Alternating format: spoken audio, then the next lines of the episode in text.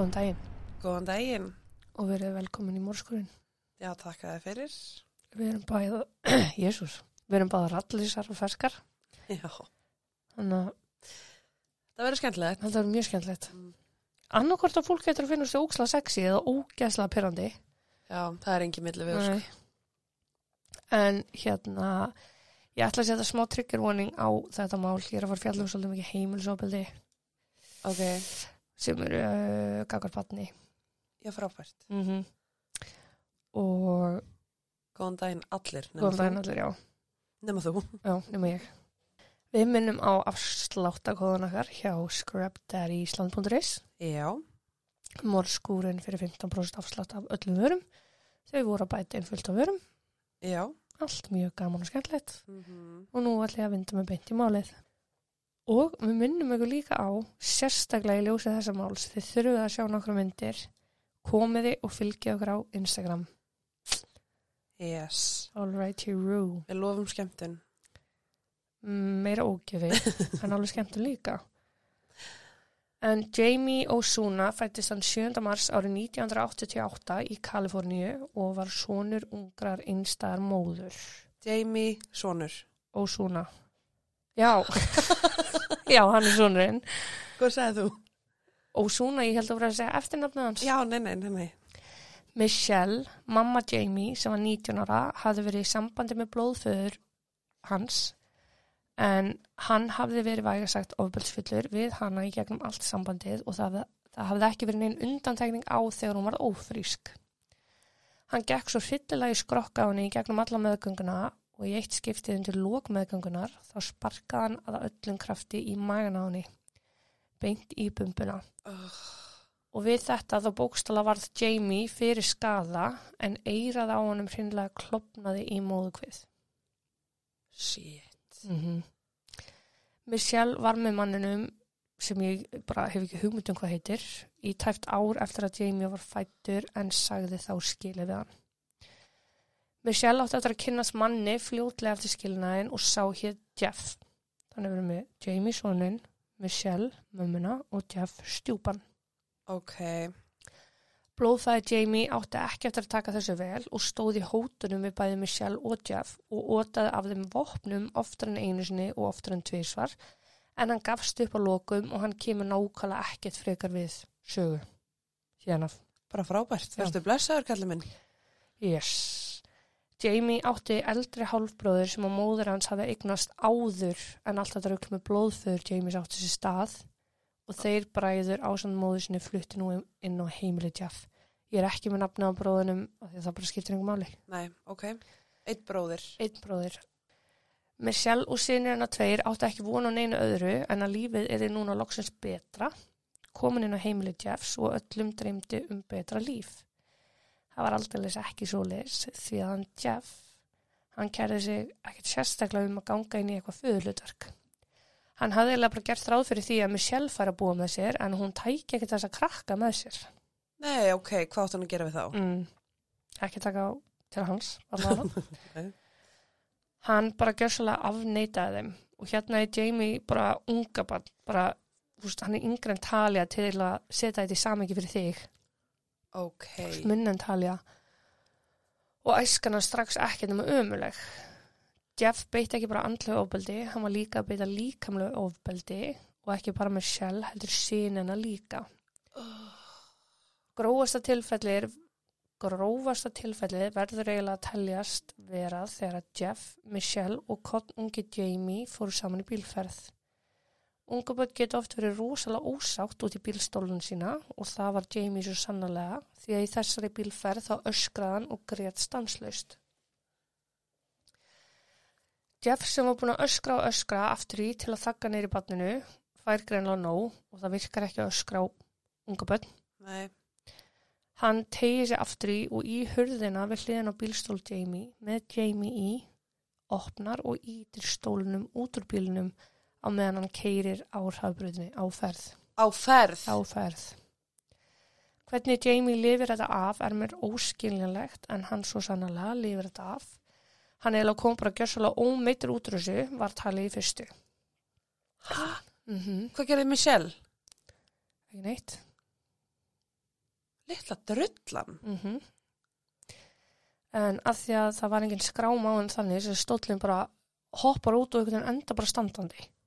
Ok, spetur fyrir maður. Já, þannig að Jeff og Michelle ákvaða að vera ekkert að fara með hann á spítal til að aðtjóða þetta neitt frekar. En setna í lífinu áttu þetta að koma í ljós, áttu þetta eftir að koma í ljós að Jamie uh, var, eða að hafiði vissulega orðið fyrir heilaskaða við þetta atvik og það ætti ekkert að koma óvart, held ég.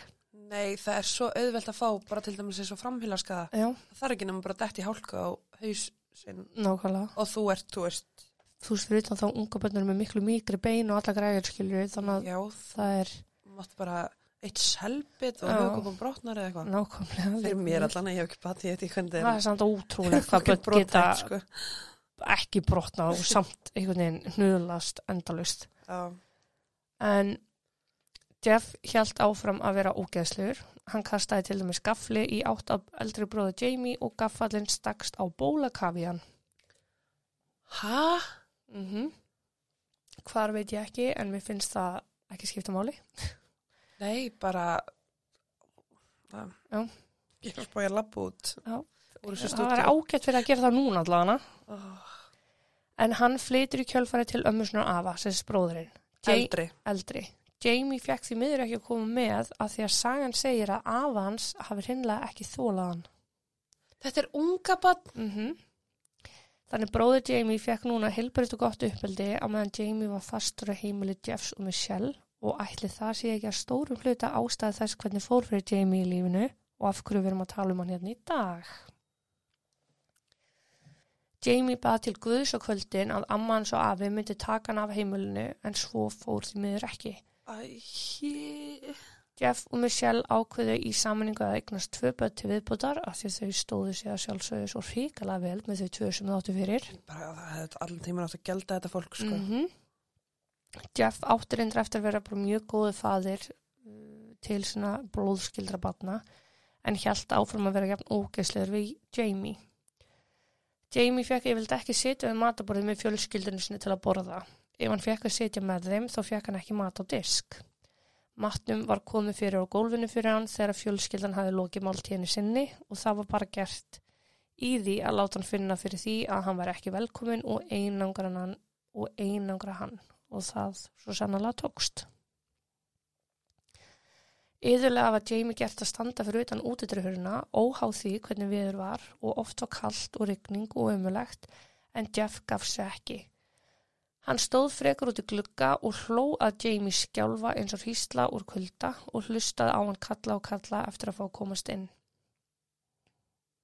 Og eitt skiptið þá sem þau búa í tökjaða húsi og það er eitt gluggi sem er við hliðinu út út þeirra hurðinni og svo er gluggi á efri hæðinni sem er beint fyrir ofan út þeirra hurðina.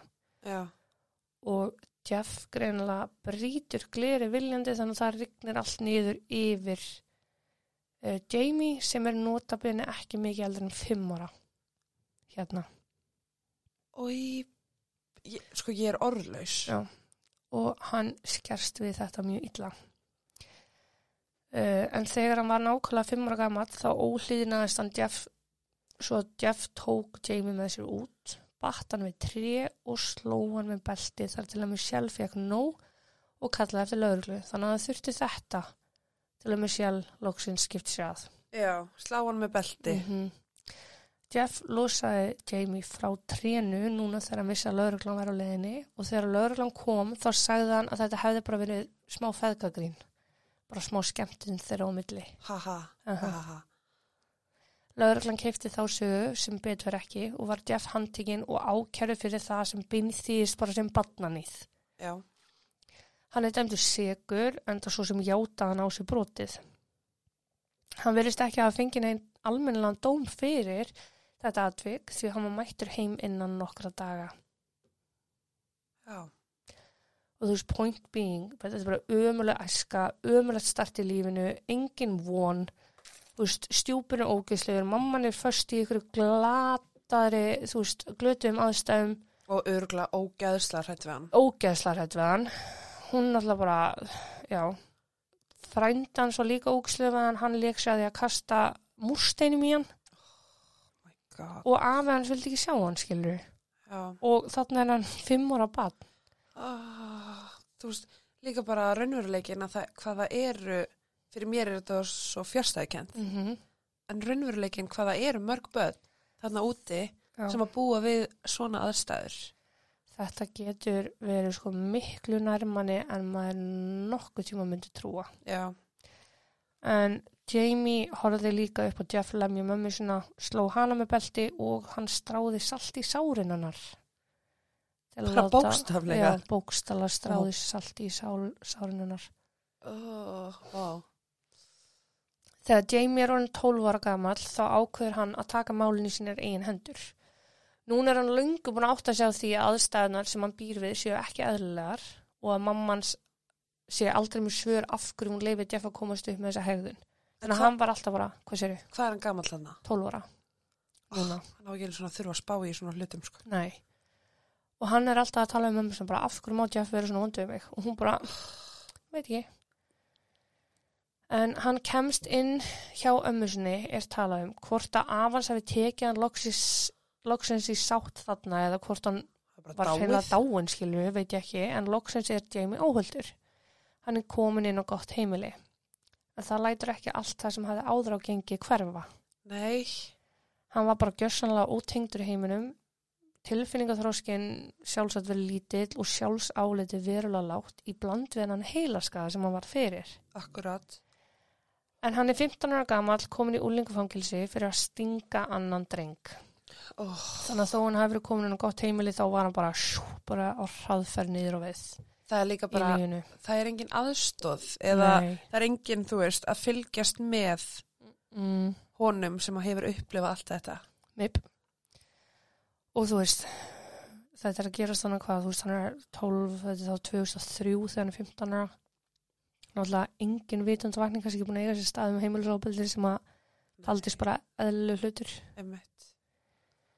En Michelle, mammans, fekk einhver svona wake-up call þarna á þessum tíma að horfa á drengi sem gjössamlega klúðra lífinu sínu og hún vissi vel upp á sér sökina.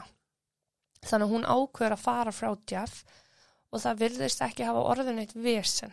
En Jeff deyr úr hjarta áfalli fljótlega eftir skilnaðin og hann er því alveg úr sögunni.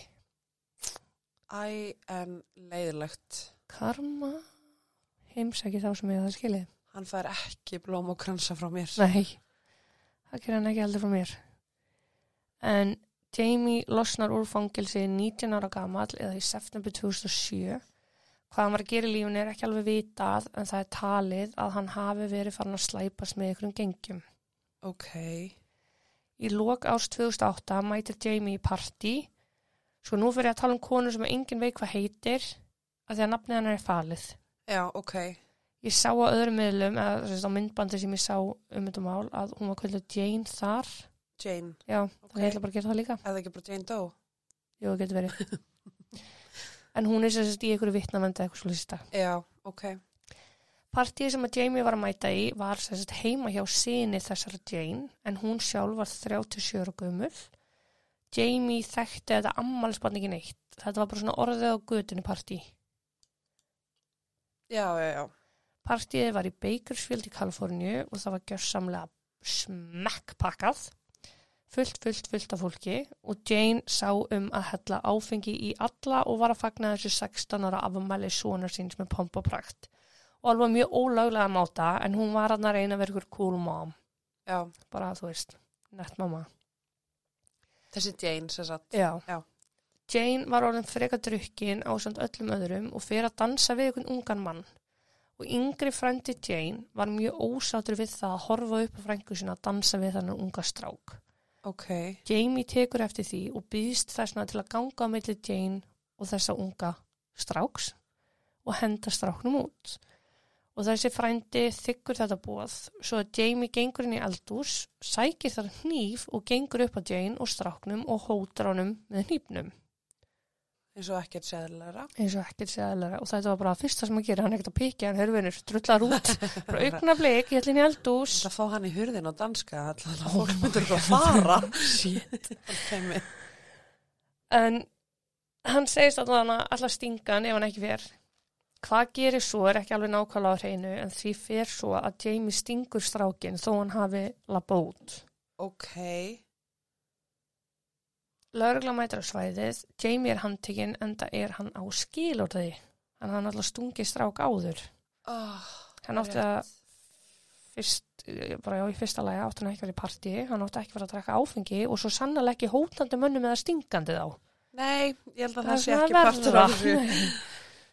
Jane var auðvitað í vondumálum sjálf en það komst upp um hana að hún var að dæla áfengi í allas að krakka sem voru náttúrulega langt undir aldri.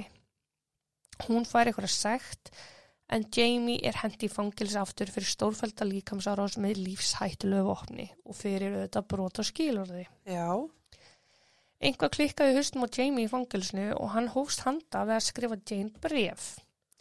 Hann hefði sérst átt að segja á því að hann var nú trúlegast svoleiti skotin í henni. ok. 11 mánuðum síðar er Jamie að losna úr fangilsi og engin önnur en, hinn 38 ára gamla Jane mætt til að sækja sæta sinn. Hann var nú reyndar ekki alveg eins og hann hafi verið þegar hann fór í fangilsi. Hann hafði nefnilega tekið upp á því að láta flúra sér andliti svolítið. Í fangelsi. Já. Við sjáum mynd. Ok, hvað? Þetta er bara eins og eitthvað sirkus. Já, þetta er eins og djókirinn eiginlega. Já, þetta er alveg eins og djókarinn. Já, þú veist hann er með hérna og tattur eitthvað línur hérna eins og sé búið ske- eins og sé búið að skera upp honum og, Og augun líka. hann er með eitthvað svona trúðstæmi á auganu og svo er hann með eitthvað gengja að taka eitthvað á augabrúnni og, það er tárað, nópuntar og Ég, það er náttúrulega bara að þú hefur drefið, já, held ég. hann, veist, hann, hann var alveg hotboy skilur áður en að tattúin fóru svona upp fyrir andliti skilur, hann er með neckpiece sem er alveg, þú veist, Töff. töff. Það er allt, sko, hann mætti hafa allt annað fyrir mér nema þetta smiley face drastl og þetta, Já, og það sé ekki gert kannski í sko fangelsi. Þú veist, ef það hefði bara verið gert, þú veist, bara á stofu eða einhverjum hvernig samt, er þetta gert í fangelsi? ángrín sem ég langar eiginlega ekki vita. Nei, en ég með langar samt geðvitt að vita. Já, en þetta er myndalegu maður. Já, Þú veist. þetta er myndalegu maður. En hann fór sérst inn með engin andlistatu og kom svona út með mjög mörg. Ég er búin að skrifa hennar sína þórdísi kaps. Jamie sest allavega hennar inn í bíl og áður en hann segir alveg bara hæg og góðan daginn, þú veist, þá segir hann bara, eigum við ekki að henda okkur á næsta mótel? Menn búin að vera inn í 11 mánu og svona, það er aðeins að tæma tankin. Tæma tankin. Ég svona hafi ekki tæmt hann í 11 mánu. Ekki með fallegri dömu. En þau gera það, svo sannlega, sofa saman og Jane gengur svona eiginlega út frá því að þetta hafi bara verið einn og nættu gaman. Hún var bara, ok, gaurin er þú stvítur, Já, ég er 38 ára, ég geti verið mammans. já. En Jane, hún verður ófrísk eftir þetta einn og nættu gaman. Oh my god, ég skil stundum ekki hversu auðvelt og. Ángríns, Sko, þegar þú vilt það minnst, þá gerist það. þá gerist það. Og þú þráir það, þá bara Þá gerist það gerist ekki það ekki. Ég, ég bara, ég skil þetta ekki, sko. En þegar Jamie kemst að því að þá var hann bara harð ákveðin í því að hann ætlaði að vera betri maður, góður pappi, bara faðurinn sem að hann sjálfur hafði aldrei átt. Þannig að honum tekst að sannfara Jane að bara hefja ástasamband með sér. Ok, erum við að fara að fjallum nú kemur gener Generation, að nú er Jamie að fara að misnöndabarni sitt og svo Generation og Generation. Nei, ekki alveg. nei, nei. ok. Ok, þannig að þau eru í ástasambandi. Já, og Jamie sýnir af sér sína bestu hliðar. En byrju fyrir ekki, hún var mamma eitthvað streng sem að hjælt partí. Já, Hvað er hann gamall? 16, Ok, 17 núna, þetta áru síðar. ok, þannig að þú ert bara hérna, hæ pabbi, Já, þér í skóla. eiginlega já. Já, ok. En þú veist, Jamie var náttúrulega úlingafangilsi þegar hann átt að vera í skóla. Það er rétt. En já, Jamie allan að bara, þú veist, næra sannfarana, Jane segi já, hann dekrar ófrísku kærustunni sína í bak og hugsa svakla vel um hana. Hann ákvör að byggja hennar en það fannst hann ekki neitt annað að koma til greina en að vera búin að giftast henni áður en að frumburður hans mætti á svæðið. Í februar 2010 þá giftast þau og brúðköpið var haldið í bakarðinum hjá ömmu Jamie. Ok. Kannski ekki, kannski ekki alveg vera að spreða en þú veist, Nei, gaman. gaman. Bara. Og þar með var Jamie orðin bara frekar vondur og illa innrættur aftur núna þegar Jane var gift honum. Ha? Já, hann eins og Jeff uh, beitti Jane andlu og líkamlega ofbeldi og Jane leti eiginlega bara allt yfir sig ganga. Þar til að einn daginn undir lókmeðgöngunar þegar þau voru hann að grífast. Jamie hafði ákveðið í einhverjum hemdarhug að taka duftker af heimilinu, duftker sem bókstala innihjalt jarðneskar leifar móður Jane sem hafði nýverið, lá, nýverið látist og hann hljóp út á heimilinu eins og bafi henni með þetta duftker. Og hvað að vera bara eitthvað, en þú veist, why? bara til þess að tryggra Jane að það virka ekkert annað skilur Og þannig að virka að ræna döðu móðurinnar. eina sem, já, duftker fyrir þú veist, Amerika, það eru búið hillu eitthvað Já, heima á ég veit, fólki ég, ég, þú veist ekki, ég, ekki. Já. Já, Ég er ekki beint að búast við því að hann hafi tekið kistuna, skilur. nei Jæja Rúlaðin út. Oh my god En Jane sérst ringir þá á lögregluna sem kemur strax og leit hefst að Jamie Og leitin að Jamie og móður hennar. duftkerunni Og móðurinnar. Já. Oh my god, já. Pældi að ringja svona til lörgluna. og hann er með duftkerið hann að mömmu Ok, ok. Kannski ekki að fyndið. þú veist, hann er náttúrulega að vera að leita hann út á heimilsofaldi Já, já, já, ok. Já. En hann finnst á lokum en duftkerið ekki og hvað hann gerði við það kaus hann að halda fyrir sig en hann fekk í kjölfarið ákjara á sig fyrir heimilsofaldi og var nú aftur komin í fangilsi þar sem hann átti eftir að eigða næstu sex mánuðum. Ok, pæling, að þú stelur líki, það er ólulegt. Já, duftker líka þó sé, Það Ætli, er- ætli að falla undir sömu lög? það, ég fann alltaf bara að það. Já. Já, Hvert er verðmæti duftskers og innihaldsins? uh, bara persónlegt verðmæti Mm. sem að er í raun bara ó, sem sagt, getur ekki greitt fyrir það Ok, í rauninni því þetta er bara svona persónlega munur. Já. Ok. Bara eins og myndir stela, þú veist, Listaverkunum með stelpunum minn með eitthvað. sem væri, þú veist, myndi, þú myndir meta mikið eitthvað. Sónur hans fættist í mittiltíðinni og þegar Jamie losna úr fangilsi þá ákvað Jane að gefa hann annan sjens, eins og er svo algengt. Jamie var ekki lengi að klúðra þeim sjens en hann ánetjaðist með. Hvað heitir með á íslensku? Íslensku? Metamfetamin. Metamfetamin? Nei, metamfetamin. Já, ok skapræstinir hans versnuði til muna og andlega og líkamlega ofbeldi líka ofbeldi var orðið svo mikið að Jane var eiginlega orðin eins og mér sjálf hefði verið bara gjössalega dofin og lifði hér um vel öll á gangi yfir sig hún var hægt að bregðast við, hún var hægt að kvenka hún var hægt að gráta, hægt að byggja um að hætta hægt að byggja um að stoppa. Ok. og það fór bara í taugunar á Jamie sem vildi heyra konunni sinna þjást og emja. Það var pointið hans af hverju hann var að lemja hana. Eins og hann hafði þjást og... já, þú veist, hann vildi bara hafa stjórn yfir henni og heyra hann hefði stjórnina. Já, hann ákvað því að taka út reyði sinna á einhverjum öðrum og því miður var sjö ára sonur Jane fyrir valinu. Átt hún líka sjóra svon? já, hún átti sérst fjögubönn með sinni hans Já, ok, sem var sérst bara unga bad. já, sonur hans á bara nokkra Já. mánuð þarna, já Já, ok. En Jamie hrindir þessum sjöara sinni harkala úr hjónarúminu fyrir framann Jane í leit eftir viðbröðum og hann fekk svo sannlega viðbröð. Jane sturlaðist, sótti sin hníf og ótaði að Jamie sem var bara logandi hrættur. Hann gerði því eins og allir stóru kallmann gera, hringdi ömmu sinna og baði hann um að sækja sig. Nei. Jú. Ok. Hann gaf Jane frið í smá tíma eftir þetta en hann var mættur aftur innan skams til að áreita og eldir hella Jane. Og Jane lækkar þarna þröskuldin hjá sér með að ringi lögregluna og hún ringdi fyrir eitthvað oftar en ekki. Skilur, Já, hún var bara, ok, mér er alveg sama, þú veist, ég ætla samt að ringja, bara tilkynna, tilkynna, tilkynna. Og í kjölfari fær Jamie á sig ákæru fyrir að áreitana og er aftur hent inn í fangelsi og á meðan þá leið Jane nokkuð örugri. ok. En í lok oktober 2011 þá losnaði hann og Jane var aftur farin að ringja reglulega í laurugluna dagan og eftir. Lauruglan kom alltaf, daglega bara, leitaði að Jamie sem að lauruglan var með handtökuheimil fyrir en hann fannst aldrei. Það er þess bara, hann, hann losnaði og fangið sig alltaf á skilorði Já. og um leið og ekki með tilkynningum hann hafi brotið af sér aftur þá er gefin út handtökuheimild. Já, hann tekur skimun. Já, handtöku, já fyrir ekki, handtökuskipun. Já, Áttadugum eftir að Jamie losnar á fangilsi þá ringir hann í Jane. Jane átti auðvitað vona á bara hótunum í sinn garð eins og vanalega en þetta símtala var öðruvísi. oh, Jamie segir I just killed a woman at the Morocco Motel. Ok, ekki þar sem ég held. Ég Nei. held að hann var bara, bara að reyna, þú veist, fá hann aftur. Já, nei, nei.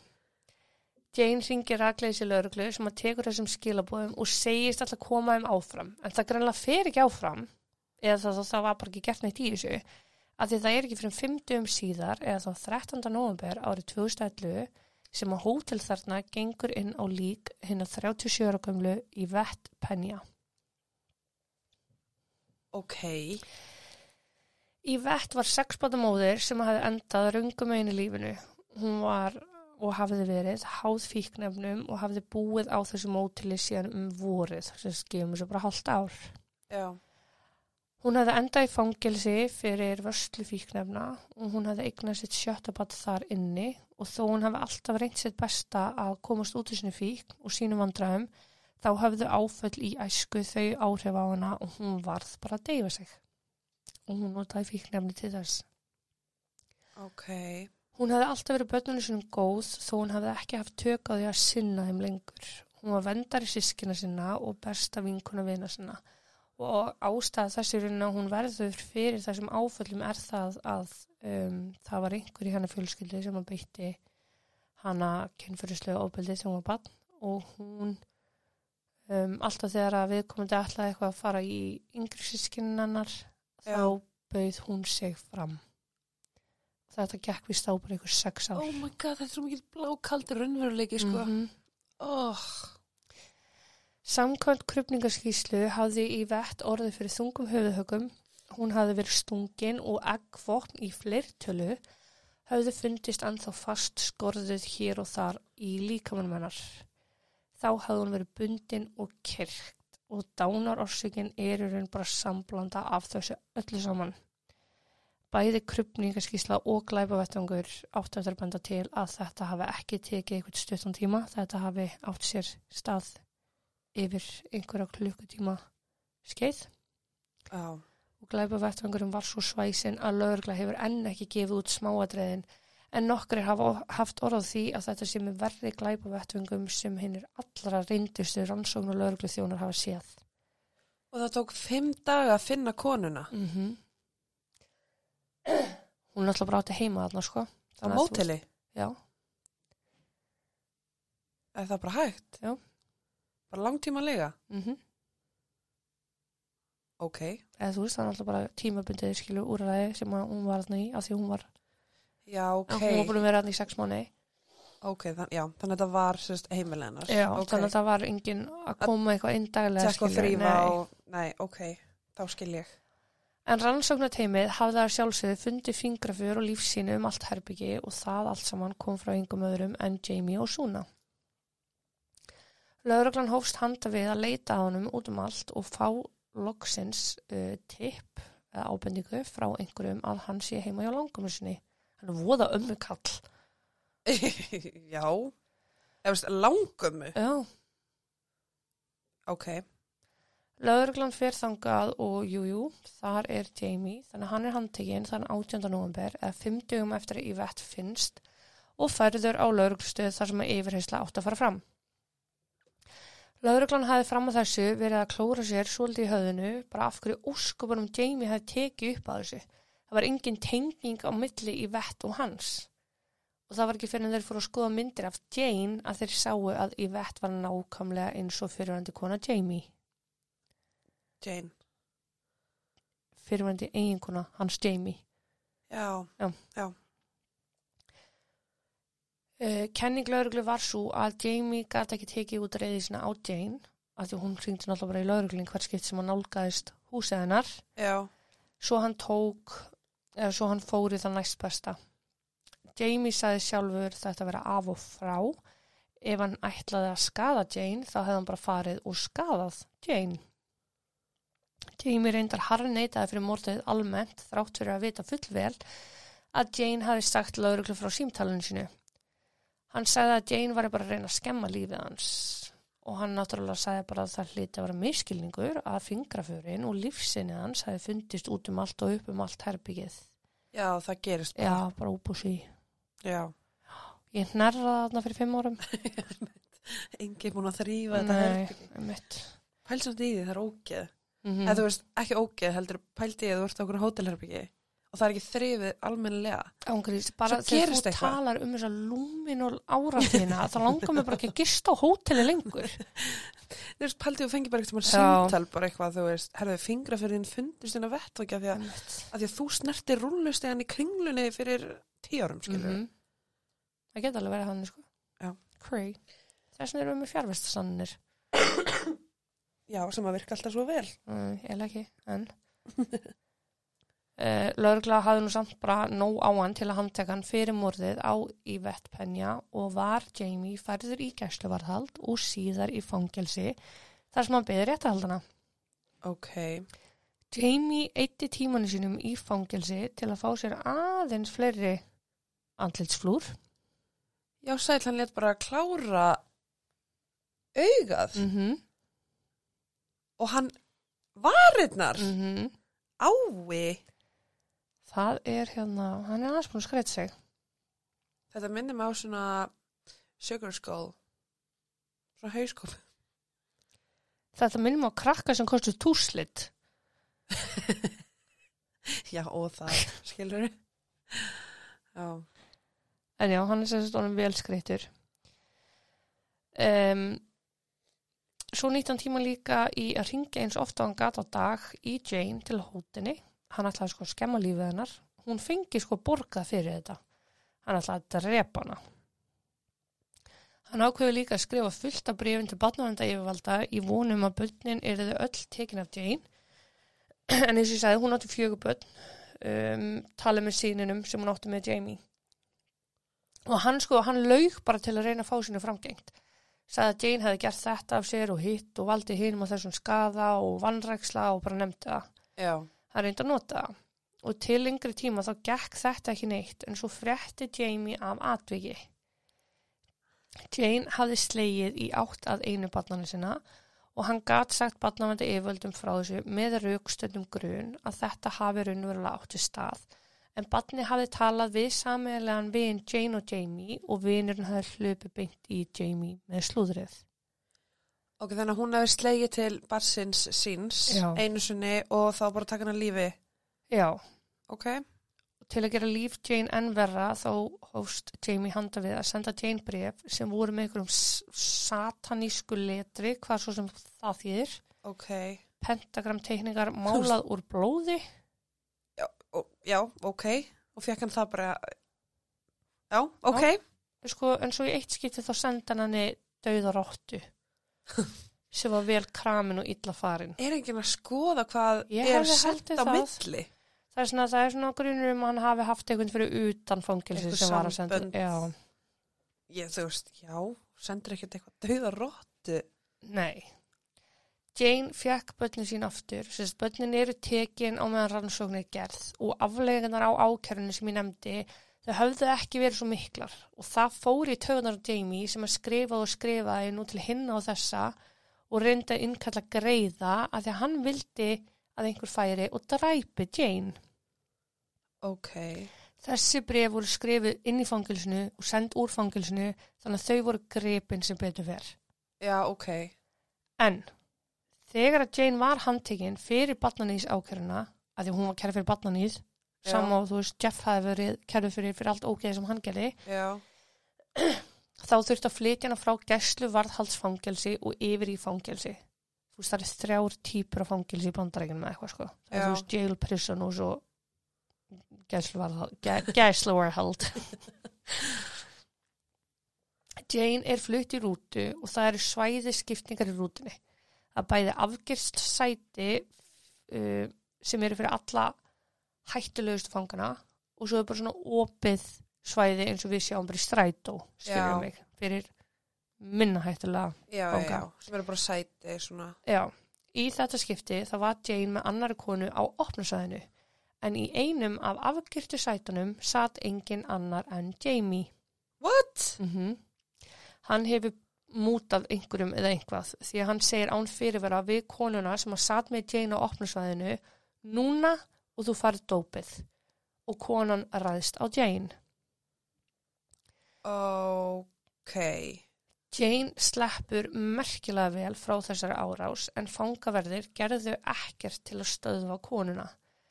Jane öskraði að eiginmaðurinn hennar sæti í bílnum og að hann vildi hann að dána en fangaverðinu voru bara, já, þú verður eiginlega bara að retta það sjálf sko. Sem hún bara endanum hún gerir, hún berst bara tilbaka og því fyrir svo að konan hættir að ráðast á Jane. Mín spurning er, er ekki hand og fóta í svona bílum eða? ætti að vera það Ég hefði haldið það. já allavega fyrir þessa allræm Já, nákvæmlega. En Batnaníðs ákjæran var feld niður í kjölfarið en það sáu dómarar og allir þeir sem komu að málinu að það var einhver maðkur í miðsunni og Jane er síknuð þrátt fyrir að hafa bókstala játað að hún hafi einhvern tímann slegið til barsins á einhverjum tímapunkti. ok, Þannig að þeir voru bara, já ok, en þú settir samt svona hemdar ákjæra og við ætlum bara að fleginni. já Fjölskylda í vett er hann að býða eftir réttarhöldunum og þau áttu ekki eftir að eiga sér stað nærum því strax. Það voru ansi mörg skipti þar sem að Jamie og hans lögumenn mættu til dómara til að fundum hitt og þetta og alltaf var fjölskylda í vett á staðnum. Jamie brosti, blikkaði og hlói áttun á þeim, veifaði og reyndi viljandi að ná aðteglunni þeirra. Rókeslegur. já, ég bara og þetta er svo mikið niðurlæng sko Já. Það var ekki fyrir enn í lokmars 2017, sko tæpum sex árum eftir ég vettir, eða rúmum fimm árum eftir ég vettir, að réttarhöldin fara fram. Jamie, sem hafði alltaf neita sök, hafði nokkurinn dögum fyrir réttarhöldin fengið fréttamiðil til að koma og taka við sér viðtal um málið. Og áður en að starfsmenn þessar fréttamiðils komu upp myndavælum og í gang, þá saði Jamie án þess að hika I did it, I'm guilty, I'm sadistic, I really don't care, I'll do it and I'll do it again over and over. Uh, ein leið til þess að fá uh, dóm nefnd til að segja- þig? Já. Já. En þess að síkna þig. já, þetta er kalt henni Já. Shit. Uh, en þeir náðu þess ekki upp á myndvann sko en það er alltaf fullt af fólki sem heyrir þetta. já, En í viðtalinu sjálfur þá segir Jamie frá ofbeldinu sem hann varð fyrir en líka ofbeldinu sem hann sjálfur beitti. Ok. Hann sagði frá því að hann hafi drefið dýr sér til skemmtunar og tók sem dæmi að í eitt skipti hann hafi tekið kött á meðan mamman skræpið í búð, setti köttin í fristikistu í korter, tók hann út, sett hann inn í heitan opni korter og þetta gerði hann til skiptis. og ég barasta. Mm Hann skaðaði sjálf og segja eigin sögn svo hann myndi finna einhvað og eins og ég talaði um, þegar hann var 12 ára þá var hann, þú veist, þá var næmnin engin, hann fann ekki fyrir neinum tilfinningum. nei, Að sömu ástæða hafði hann látið flúra sér andliti bak og fyrir, að því að hann vildi sko finna eitthvað. Já, og nú tek ég ekki frá manninum að hann átti umala æsku og skelfilegur atbyrðir lituðu lífið hans og hans personu. En hann virðist vera nógu greindu til að mæti viðtal og tala eins og maður. Hann hefði getað tekið nákvæmlega sem er sögu tíu árum áður til sálfræðings já. Eða einhvers konar stopnunar og leita sér aðstóðar en hann er bara svo óbúslega veikur já, skilur mig. En ég meina hefði hann geta gert það einn óstuttur kannski ekki, ég, þú veist já, þetta er rosalega flókið. Af því að þú veist, mín skoðun í þessu er fólk lendir í alls konar en það er ekki allir morðingar, skilur mig. Nei, já, það er rétt. Þú veist, Já. já. það afsakar í raun ekki þína gjörðir sko, þó þú kannski útskýra þær. Já, það útskýrir en það kannski afsakar ekki. Nei, afsakar náttúrulega aldrei sko. Nei. En það er náttúrulega, þú veist, það kemur líka kannski í ljós að hann var tölvöld veikari en einhverjum hefði getað grunað, sko. Já, en ég samt spyrir mig ef, veist, af hverju þess að þörf þarna að segja frá þessu? Af hverju ekki fimm árum áður af því hann hafði neita fyrir þetta alveg fram að þessu? Já. Kannski bara einhver vitundavakning. Já, getur verið. En Jamie sagði að hann hafi fengið, þess að hann fái ákveðna vímu að bæði flúra sig og skada dýr og fólk og þegar svo víma var farin að dvína þá tók hann þessa ákveðnum að myrða í vett. Þannig að þetta er svo bara, þú veist, tökum kókainist sem, sem dæmi. Já. Þú færðir smá kókain, færðir ykkur svaka vímu, í næsta skipti þá þarfst að taka aðeins meira til að fá sömu vímu. Já, já. Og það er það sem er að tala um skilur að Hann hann þarf að þarf gera að meira. framkoma meira. Já. Hitt er ekki lengur skemmtilegt. Nei. Og hann sagði að þetta var í fíkl sem hann tæki fram yfir allt og hann myndi frekar drepa en að sofa hjá fallegustu konu veraldar. Ok. Þetta er í minni bók bara damaged goods. Hún er með bara ekki bjargandi. Já. Hann verðist alveg vita sjálfur. Hann sagði einnig í viðtalinu að hann hafi framið tvö morð áður, annars vegar þegar hann var 13 ára. Hann sagðist hafi myrt konu um þrítugt en að hann hafi ekki viljað fara út í þá sjálfma því hann hafi verið svo ungur þegar hann framkvæmdi morðið. Svona eins og hann skammaði sín hvernig hann fór að því. Já, það var ekki nógu vel gert. Nákvæmlega. Ok. Setna morðið er að mér skilst eitthvað svona gang related. Þú veist, eitthvað svona gengis starfsmi, skipulög, glæpa starfsmi, eitthvað. Þannig að droparnir make alveg sense. Já. Já. Í kjölfarið af þessu viðtali er honum bóðið að gangast við brotinu og sleppa þá við döðurafsinguna sem að var á borðinu. Já.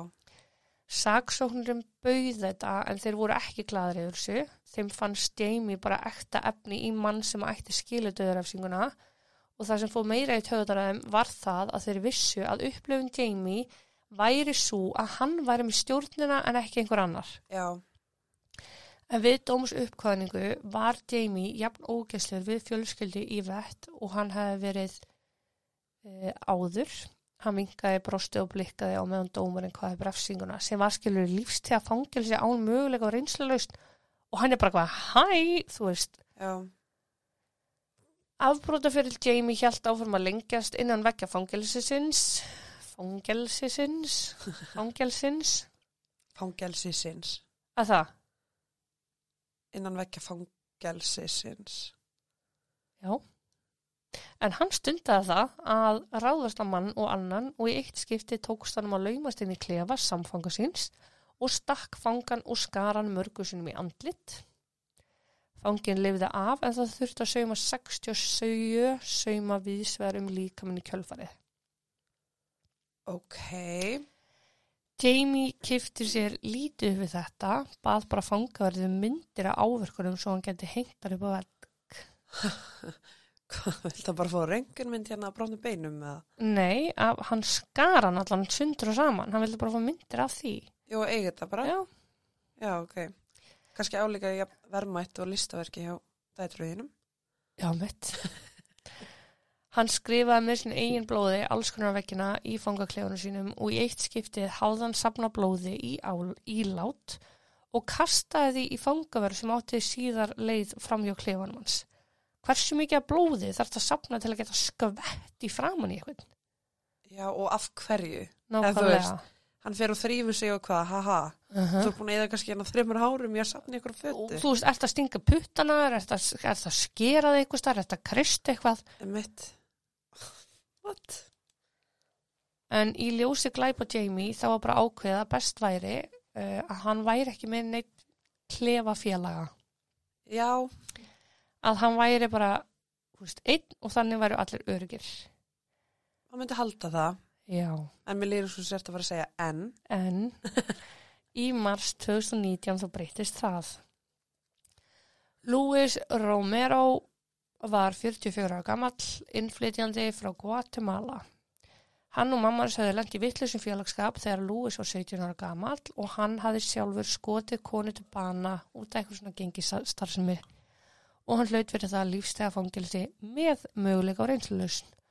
Nú var komið að reynslulausnar fundinum og út af því var Lewis mættur í þetta fangelsi. En Lewis náði aldrei á fundi sinn af því að sólaring eftir hann kom í fangelsið þá fannst hann látin í klefa hans og Jamie. Akkur var hann með Jamie í klefa? Það var bara eitthvað svona tímabundi úrriði en ég ætla að byggja ykkur um ef þeir eru að borða, setja ég matinn frá ykkur. Ok. Fangavörður hafi komið að Jamie alblóðum inn í klefa með einhvað, þú veist, það var bara svona útgangurinn á hann var eitthvað förðulegur. Úrgangurinn. Útgangurinn. Já.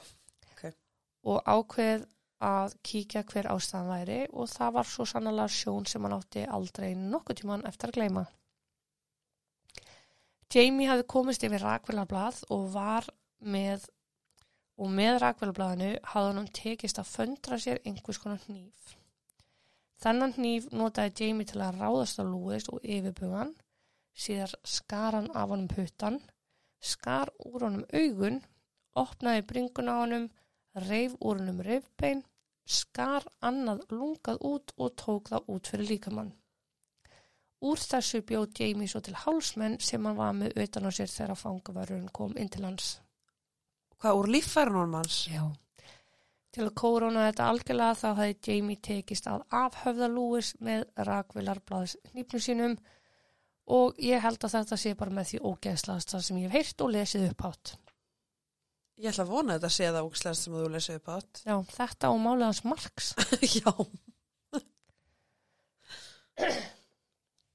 Menn fyrðuðu sig á því hvernig Jamie hefði tekist þetta og ekki síst vegna þess að fangaverðnir átt að ganga fram hjá klefanum á 30 mínúna fresti og það var bara ekki sjens að Jamie hefði geta gert þetta innan 30 mínúna Akkurat. með rakvelablað Já, þetta er pínu lítið. ángríns Þú ert líka bara, þú veist, þetta er og að nota hníf sem er ekki með blaði mm -hmm.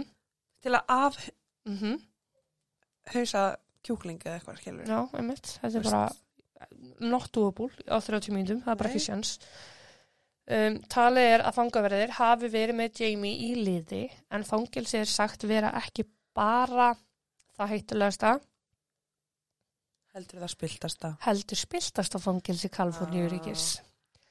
Það eru nokkur aðvöksannuð en þar á meðal er að fangaverðinir líku sér að því að láta fanga berjast við hvern annan og gerðu veðmál um hver myndi vinna til að reyna hagnast að því. Þannig að þessi fangaverði tóku ykkur úr þessari deild og þessi fangaverði tóku ykkur úr þessari deild og hann betta á hann og hinn betta á hinn og svo bara let's go. Oh. Þetta gaf líka fangaverðum leifi og ástæði til að skjóta fanga. En á fimm árum voru 50 mann skotnir innan veggjum þessa fangilsis. Það er bara 10 á ári. Bara einn og fimm vegna fresti. Ok, og er þetta bara eitthvað sem þeir eru að uppgöta núna? Nei, sem bara var uppgöt á nokkrum árum áður og bara búið að eiga sér staði gegnum árin. Og ekkert gert í? Uh, jú, Ok. þegar fangar ólíðinuðust fangaverðum voru margir þeirra viljandi færðir inn í klefa manns sem var kallaður Booty Bandit. Er það nafnið hans? Já, Bandit. Booty Bandit. Bandit, ekki eins og Band-Aid, eins og plástur. En þetta var auðvitað bara svo fangin sem að ólíðnaðist er þið nöðgað af þessum Booty Bandit. Nauðgað. Já, Oh, ok. Bandit þýr sem sagt ræningi, þannig að þetta bein þýrst sem rassa ræningi. Búti. Booty. Ekki stigvél. Nei, stigvél að vá, nei, en ræðilegt. rassa ræningi. Ói, Já. pælti að kalla bara sjálfa en það. Þú ert að líka bókstala. Já, bókstala. Ói, bara. Já.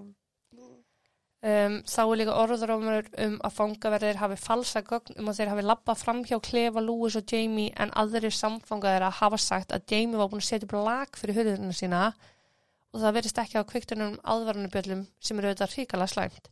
Þannig annarkort löpuðu þeir ekki fram hjá Já. eða þeir löpuðu fram hjá og sáu hvitt lag og gerðu ekkert í því. Þetta er bæði slæmt. Já. Og þetta hvað ætti að vera að gerast? Já, Þetta var ekki klefunum hjá bútibandið allan þannig að. Árið 2021 var Jamie dæmdur ósakafur vegna geðsjúkduma, kannski eðlilega og vegna COVID og alls, þá er ekki enn búið að halda neinn réttarhöld út af dauða Lewis sem að fjölskylda hans finnst náttúrulega hrikalegt að því hann hefði sínt mikinn bata og eftirsjá og átt skilið að vera hleyft út af fangelsi. Þess að hann hefði tekið út sína refsingu og reynslulusni var bókstala á næsta leiti. Oh.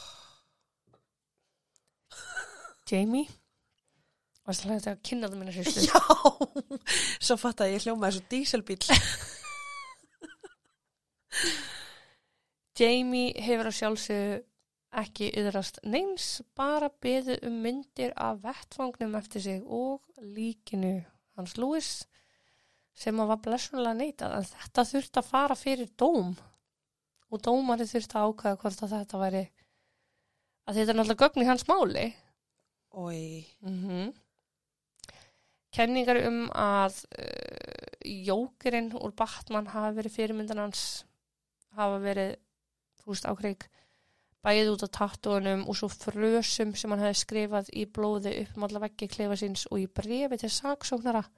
Ég veit, reyndar- ég veit reyndar ekkert af hverju hann var að skrifa saksóknara bref en um, hann skrifaði hann endaði það bref á Why So Serious?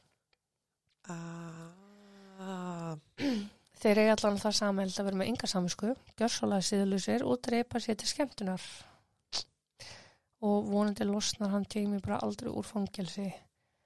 En varðan þessi morð sem hann sagðist að fram með áður, lögreglan hefur ekki getað fundið neitt sem að staðfesti það, hvort hann sé veist, að ljúa, komustu kannski ekki að, já, en ég myndi alveg hygglust trúa þessu upp á hann, já. að hann hafi gert eitthvað af sér, sko. Já, og líka bara, þú veist, hvað eru margar Jane Doe eða Margar. margar konur sem eru tindar í bandaríkjunum? sem að hann Sem að- geti hafa haft með að gera. Veist, Það getur verið hver sem er, kannski með bara database með, þú veist, 5 miljónum, Mhm. eitthvað. Það getur verið hver sem er. Nákvæmlega. Og hróttalega máta, sko. En þú veist, þetta er eitthvað sem hann er að gera í eitthvað svona san, satanískum tilgangi. Já.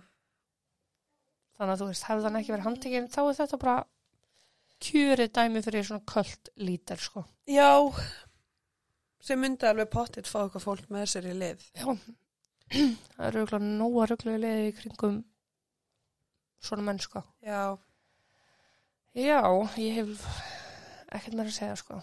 nei, Var eitthvað góðið ef þau voru að borða á meðan og ég beðist innilegar afsökunar ef ég skemmti ykkar. Ég er sko með max klíu fyrir að heyrum af höfðanir. Mér finnst það ógeðslegt. Ég er bara mesta klíðan sem ég fæ þegar einhver tekur tennurnar og, og svona tekur þær úr. Og samt heiti ég tantínari hjá þér. Það er ástæðan, og því að þú tókst einhvern mann mál þar sem það var verið að plokka tennurnar úr. Já. Og berja hana með Mm eitthvað, mm og ég bara, Já, já, þetta var ekkert með nógslegt. Uh, herru, uh, minnum aftur á Instagram. Ef þið vilja koma í áskrift þá eru á partus.is yes, og komið endilega í Facebook-hópun okkar já. um, sem ég man ekki hvað heitir ykkur blikinu. Hann heitir Morskúrin umræðahópur. Hanna, takk fyrir kjærlega. Jepsi, Herru, já, ok. Ég þakk fyrir í dag já, og takk og bless. takk og bless.